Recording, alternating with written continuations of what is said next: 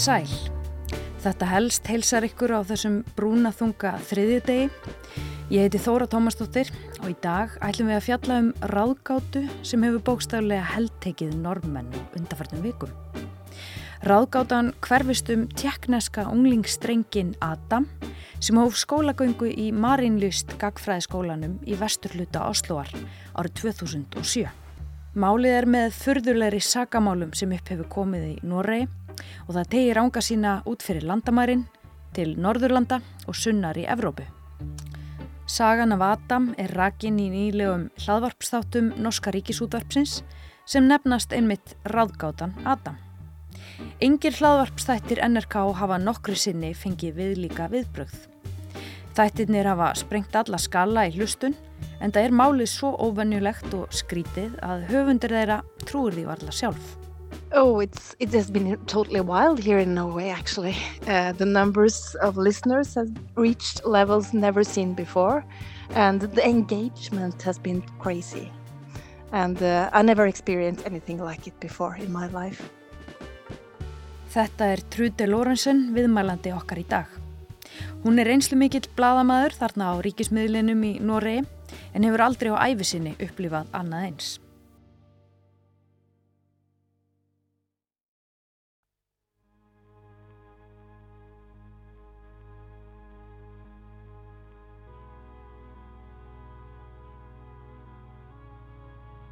Lórensen komst á snóður um þetta stórfurðulega og rísastóra mál við eldursporðið heima hjá sér. Börnin hennar sem ganga í Marínlust skólan segja mikið talað um Adam á skólalóðinni og skólinn er aðeins steinsnar frá höfustöðum norska ríkisútarpsins. Actually, this story just came to me uh, through my own kids, uh, actually, who are pupils at that very school. Uh, my daughter told me that she heard this story in, in the schoolyard because other children still talk about this.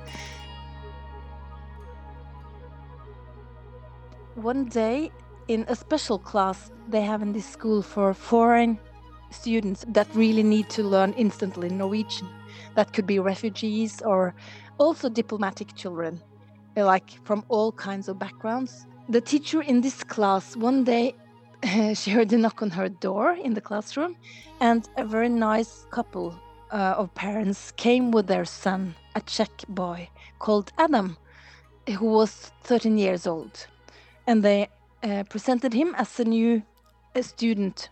And the teacher, from the very beginning, uh, she was impressed by the mother and the father, who really seemed very warm and very charismatic people and Adam seemed a bit more shy.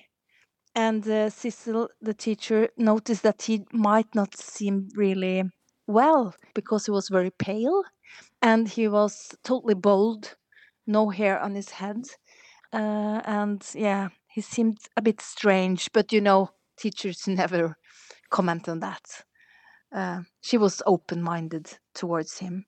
And he was nice and very soon, the teachers also noticed that this kid was very talented. He was able to solve mathematic quotations on a very high level. And he also played on the school's piano. He was able to play Bach without notes. So he was kind of a wonder kid, as well as he seemed a bit troubled. Adam kom sér satt í fylg með foreldrum sínum fyrsta skóladaginn. Kennarin tók vel á mótonum og hreifstaði hvað foreldrar hans voru vingjarlega og sjármyrandi. Adam virtist hins vegar feiminn og svo litið óvennulegt barn. Hann var náfölur og alveg sköllóttur.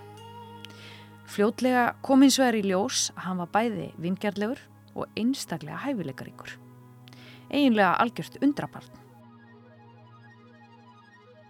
It was gradually more and more signs that the teachers and the school noticed that this kid might have trouble at home. Um, he was wearing the same clothes every day. And one day, one of the teachers noticed that he didn't have socks in his shoes. He wore plastic bags from the supermarket. He had wrapped them around his feet. And they also noticed that he never had his lunchbox with him in the school normally in Norway, everybody brings their own food from home. But a very strange thing is that there is a nice cafe just around the corner from this school with French pastries. And other people said that Adam is at the cafe eating French pastries every day. He's drinking coffee. And that's a bit strange. A 13 years old boy who seems quite poor. Lorenzen segir að með tímanum hafi kennararnir orðið áhyggjufyllri yfir aðstæðum Adams. Hann var til dæmis alltaf í sömu fötunum og gekka ekki í sokkum, heldur í plastpókum. Hann kom heldur aldrei með nesti að heiman eins og hinbörnin. Svo spurðist það út að Adam sæist daglega á fínu frönsku kaffihúsi nálagt skólanum. Þar gæti hann sér á dýru bakkelsi og drikki kaffi, þessi fátækli 13 ára strákur. One day in, in class, he fell off his chair, uh, seemed to faint in a way, and all the pupils in his class they were concerned and very thoughtful about Adam, and also the teacher. But they noticed that there were some pills. They found the the wrapping of the pill, and they could um, Google it and find that it was calming medicine from Czech. So they were kind of, is he taking drugs himself, or are somebody drugging him? And then he started drawing very scary drawings. I guess young kids can draw all kinds of monsters, but the teachers noticed that in his drawing it was a motive from a dark basement with cage and a small kid inside the cage with um, chains. And they also found other drawings with small children lined up in some kind of a system with a ground up that seemed very bad. And the teacher asked him, What is this uh, drawing showing? And he tells them, It's kids, but they don't have names, they just have numbers and they're being sexually misused, like a pedophile system. So then the alarm clocks in Norway really rang. Og það var fleira skrítið við Adam. Eitt daginn fjall hann í yfirlið í skólanum og í fórum hans fundust róandi lif sem vöktu upp ímsar spurningar. En það voru teikningar Adams sem fengu viðverunabjöllunar til að ringja. Adam teiknaði óhugnalegar myndir í skólanum. Þær voru að börnum í búrum, hlekkjuðum börnum í myrkum kjallara og af börnum í einhvers konar byðröð fyrir framann skuggarlegar fullordnar verur. Þegar Adam var beðin um að útskýra myndirnar, sagði hann að þær væri af börnum sem væru misnotuð af einhvers konar neti barnanýðinga. Á þessum tímapunkti greip barnavernd í taumana og Adam var færður í snarhasti í atkvarf fyrir börn. Þar viður kendan að fadir hans gerðan út til barnanýðinga og seldi að hannum aðgang. So the authorities here came to take him and um, to take care of him. And also I guess they would um, question his father.